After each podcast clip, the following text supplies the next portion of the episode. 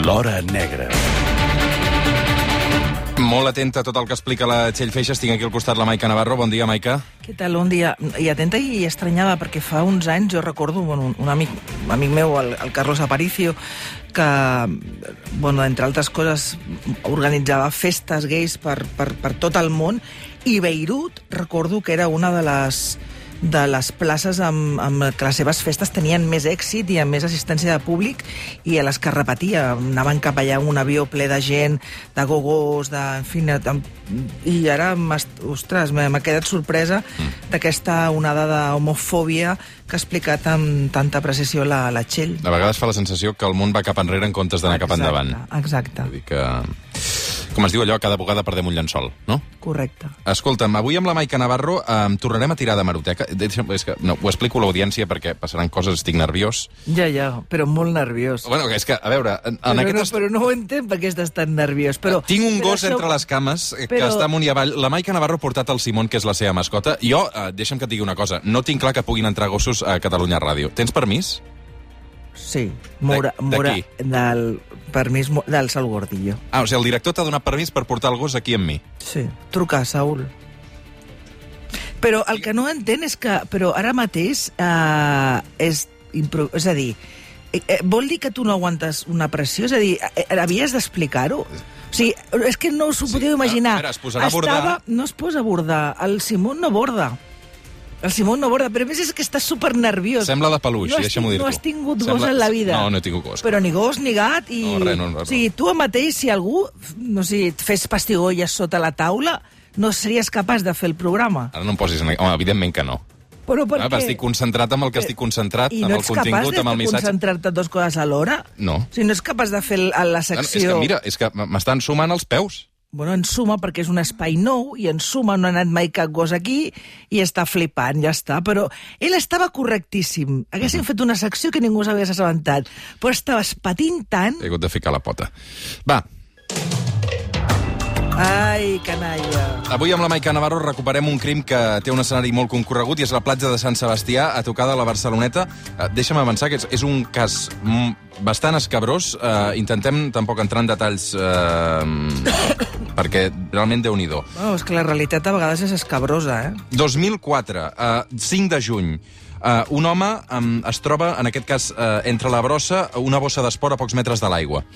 Sí, era un indigent que estava buscant ferralla a la platja de Sant Sebastià i bé, va veure a uns 10 metres de, de la- de la- de l'aigua una bossa d'esports de color verd, doncs la va, evidentment, la, la curiositat la va obrir i a l'interior va trobar diferents bosses de plàstic i en obrir una d'elles doncs, va descobrir que, en fi, que allò que s'amagava eren restes d'un cos dividit en quatre parts no pres i no tot presentava signes de descomposició. Això volia dir que el crim no havia, havia estat bastant... a les últimes hores. Uh -huh. um, què se sabia de la víctima? La van poder reconèixer? Complicat, perquè en aquelles bosses, en aquelles cinc bosses, eh, en el moment, en aquell moment estem parlant que encara era el cos nacional de policia qui s'encarregava de les competències a Barcelona i per tant va ser el grup d'homicidis de, de policies qui a l'hora de reconstruir les peces d'aquest cos van descobrir que hi havia moltes peces, peces que faltava. Faltava el cap, faltaven les cames de genoll cap a baix, per tant faltaven també els peus, faltava el tòrax, li havien tret les, les vísceres, i hi havia un element molt desconcertant, i és que a tota la resta del cos que hi havia, algú s'havia entretingut en estirar i retirar la pell, de man completament la pell, o sigui, estava... Eh, bueno, li havien arrencat tota la pell, de tot el cos, de tot el cos que hi havia a l'interior de les bosses. O sigui que... El, el, és a dir, la situació en què es troben um, d'entrada és aquesta i, i no hi havia tot el cos, tampoc, no? No, no, no, no. O sigui, el que no... O sigui, faltava el cap, les extremitats de genolls cap avall, per tant, també els peus, faltaven les vísceres, faltaven trossos, però evidentment el cap. Si tenien les mans, li havien tret també la pell, per tant, amb les no es podia eh, aprofitar ni, ni fer res al laboratori amb, amb les empremtes dactilars, però sí que a l'interior de les ungles hi havia restes de, de pell que els investigadors doncs, van sospitar que la víctima podria haver estat, eh, havia participat en una baralla, es podia haver intentat defensar, i bé, ho van guardar mm, a l'espera de trobar alguns indicis de, per investigar. Mm. La policia va descobrir de seguida que un dels ganivets havia sortit del mercat de la Barceloneta. Sí, es va començar a mirar primer amb denúncies de desaparició i mentrestant, justament l'endemà, un, un, un, un, un, un botiguer, un, un carnisser del mercat de la Barceloneta, perquè estem parlant de la platja de Sant Sebastià, va denunciar i va explicar que tot, tot just 24 hores abans algú li havia robat un dels seus gabinets més, més grans. I, bueno, de fet, pel, els forenses sí que havien determinat que, que, en el, que els trossos que havien trobat s'havien tallat d'una manera molt, amb molta precisió. I descartarà un cos no és gens fàcil. Es va pensar fins i tot en la possibilitat de que estiguéssim parlant d'algú amb, un, amb, amb capacitat de tècniques per, doncs allò, per, doncs per, per tenir, a més a més de la sang freda, la capacitat de, de, de tallar, de, de desquarterar un cos amb aquesta precisió. N'havia fet servir com a mínim tres ganivets i bé, es van deixar obertes totes aquestes hipòtesis. Això és l'Hora Negra amb la Maica Navarro. Estem parlant d'un crim que va tenir lloc el juny del 2004. Van trobar un cos esquarterat a la sorra d'una platja de, de la Barceloneta, un cos sense identificar. Finalment, um, els Mossos uh, van esbrinar qui era la víctima. Sí, perquè deia que van començar a buscar eh, denúncies per desaparició i és cert que una, una dona que vivia al barri de, de, la, de la Ribera de, de Barcelona va, al carrer Bains Nous va denunciar que feia molts dies que no, veia, no en sabia res de la seva veïna. La seva veïna es deia Maria del Carmen Barranco Villafanyer, tenia 64 anys, havia nascut a l'Argentina, era de pares andalusos i feia molt de temps que s'havia instal·lat a Barcelona.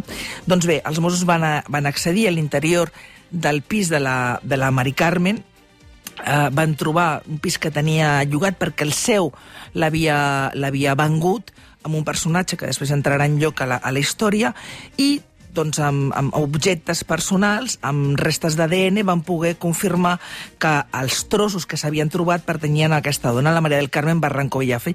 I a partir d'aquí es van començar doncs, a investigar doncs, tot l'entorn i les últimes hores i què era de la vida d'aquesta dona. Uh -huh. Um, per tant, uh, la policia també va registrar aquest pis de la Carmen, um, mm van rastrejar els comptes bancaris, no? Mm -hmm. uh, I van trobar també um, doncs aquestes uh, línies d'investigació, no? Sí, la principal era que la Carmen havia compartit el seu pis, el seu pis de propietat, amb tres, amb tres homes de pakistanesos, d'origen pakistanès, que... i d'aquests tres hi havia un que exercia una gran influència a la dona. Tanta era la influència sobre la Carmen que havia aconseguit aquest home que la Carmen li vengués el seu pis de propietat de la Ribera per un preu baixíssim i, a més a més, la pressionava en els últims mesos moltíssim per casar-se amb ella. Per casar-se amb ella i, a més a més, perquè li vengués també per un preu molt, molt inferior al mercat uns terrenys que ella havia heredat de la seva família a Almeria. La pressió era tan gran que, de fet, la Carme li va vendre aquest pis a aquest senyor i ella se'n va anar a viure eh, amb un de lloguer al mateix carrer. O sigui, tot plegat era, era, era molt estrany, inquietant. I, de fet, la Carmen havia arribat a explicar a la seva veïna, a l'amiga, que havia denunciat la seva desaparició, que realment estava molt agobiada i que temia per la seva vida, que patia per la seva vida. Mm -hmm. Hi havia un mòbil econòmic? Bé, de moment tots els indicis i tot esbrinant i indagant en tota la vida de, de la Carmen, els principals sospitosos eren aquests tres individus. Eren les últimes persones que havien estat amb la Carmen, no tenien una bona coartada per, la, per el dia de la desaparició i, clar, estem parlant de 2004, eh? o sigui, no, no tenim la capacitat que tenim ara de rastrejar, tecnològica de rastrejar telèfons, posicionaments, no, tan, no hi ha tant volum de càmeres com ara. En qualsevol cas, al desembre del 2004, és a dir, estem parlant de juny, juliol, agost, setembre, octubre, novembre, desembre, sis mesos després, la Policia Nacional, el grup d'homicidis, els va quedar detenint a tots tres. Van estar tres mesos a la presó de manera preventiva, però finalment aquella, recordeu que al principi havia explicat que les, a les mans de la, de, de, de, de la víctima havia aparegut uns trossos de pell, es van confirmar que l'ADN no pertanyia a cap dels treus sospitosos i finalment, després de diferents recursos per demanar la seva llibertat i davant la inexistència de noves proves incriminatòries, van acabar quedant tots tres en llibertat. Avancem, un any després, pràcticament, al juliol del 2005. El cas fa un gir perquè van trobar noves restes de, de la Carmen a la mateixa platja. De manera sorprenent, ja han passat 13 mesos, la investigació estava en, en un punt mort, hi ha una parella que està passejant els seus gossos per la platja de la Barceloneta, primera hora del matí, i els gossos comencen a, escarbar terra. I escarbar terra i treuen una bossa. treuen una bossa que, a més a més, fa... Bueno, obren la bossa i troben... Hòstia, el, el, el, és el cap. Troben, és un cap. ja estaven... perdó. Ja tenien competències els Mossos d'Esquadra i, bueno, s'enterren el... Tot just les... No, estaven a punt de tenir competències els Mossos d'Esquadra, van ser novembre del 2005 treuen a, el, a, el cap, a aquest cap i troben d'altres bosses més i el que descobreixen a l'interior d'aquestes bosses són les restes de la Carme que faltaven del cos, és a dir, el cap, les extremitats inferiors i les vísceres. Gairebé, a més a més, era una troballa inquietant perquè mm, havien passat 13 mesos i estaven en prou bones condicions. És a dir... No havien no... estat enterrades 13 mesos. I sempre, va, haver, va quedar el dubte. Sempre en, els, els investigadors no van acabar mai de confirmar si les bosses aquestes havien estat durant tot aquest temps guardades en un congelador amb una, i en fred i, per tant, eh, tenien aquest... Eh, s'havien pogut conservar o eh, l'autor les havia enfonsat tant, tant, tant a, a la platja que les condicions de, de la baixa temperatura que determinada profunditat podia tenir havia creat un microclima que havia pogut conservar uh, les restes perquè la idea de que de, amb un crim sense resoldre tornar-hi un altre cop a l'escenari i arriscar-se a enterrar els trossos que faltaven no careixia, no, no, no tenia molta lògica. I, per tant, no es va descartar mai aquesta possibilitat que aquestes tres, aquestes tres últimes bosses estiguessin enterra, soterrades amb moltes més profunditats i en aquestes condicions s'haguessin pogut mantenir. En qualsevol cas, es va reconstruir tot el cos, però aquests nous, aquestes noves peces d'aquest puzzle corporal, per dir-ho d'alguna manera, no van aportar cap indici ni cap prova nova per seguir investigant. Han passat 16 anys i el cas no s'ha mm. resolt, no, Maica? El cas no s'ha resolt, no han aparegut cap indici nou que pugui obrir noves línies d'investigació i forma part d'aquest bueno, volum de casos que, per resoldre que està dia d'avui doncs, a la taula de, dels investigadors. Els Mossos tenen, els Mossos, la Guàrdia Civil, la Policia Nacional, tots els cossos tenen un cos, de, un grup específic d'homicidis que s'encarrega de revisar casos antics que estan allò a les portes de, de, de prescriure. Aquí, en el cas de la Carme, encara queda quatre, queden quatre anys. També és veritat que la, no tenia família, que reivindiqués i que hagués forçat mediàticament eh, o exigit una, noves línies d'investigació. Gairebé no en sabem res de, de la víctima, només tenia doncs, aquesta amiga veïna que va, fer la, va ser la que va, la que va alertar de la seva desaparició, perquè no, ningú la trobava a faltar. I, per tant, allà, allà està. Esperem que algun dia doncs, es pugui reobrir abans de que prescrigui. Déu-n'hi-do, Maica Navarro. Moltes gràcies. Saps que em fa molta il·lusió? Ara entrevisto Quico Pi de la Serra. Ostres, abordat o no aquest? No, no, està callat aquí, eh, estic impressionat, el tens molt ben educat. Quan té? Set mesos. Set mesos, eh? Sí.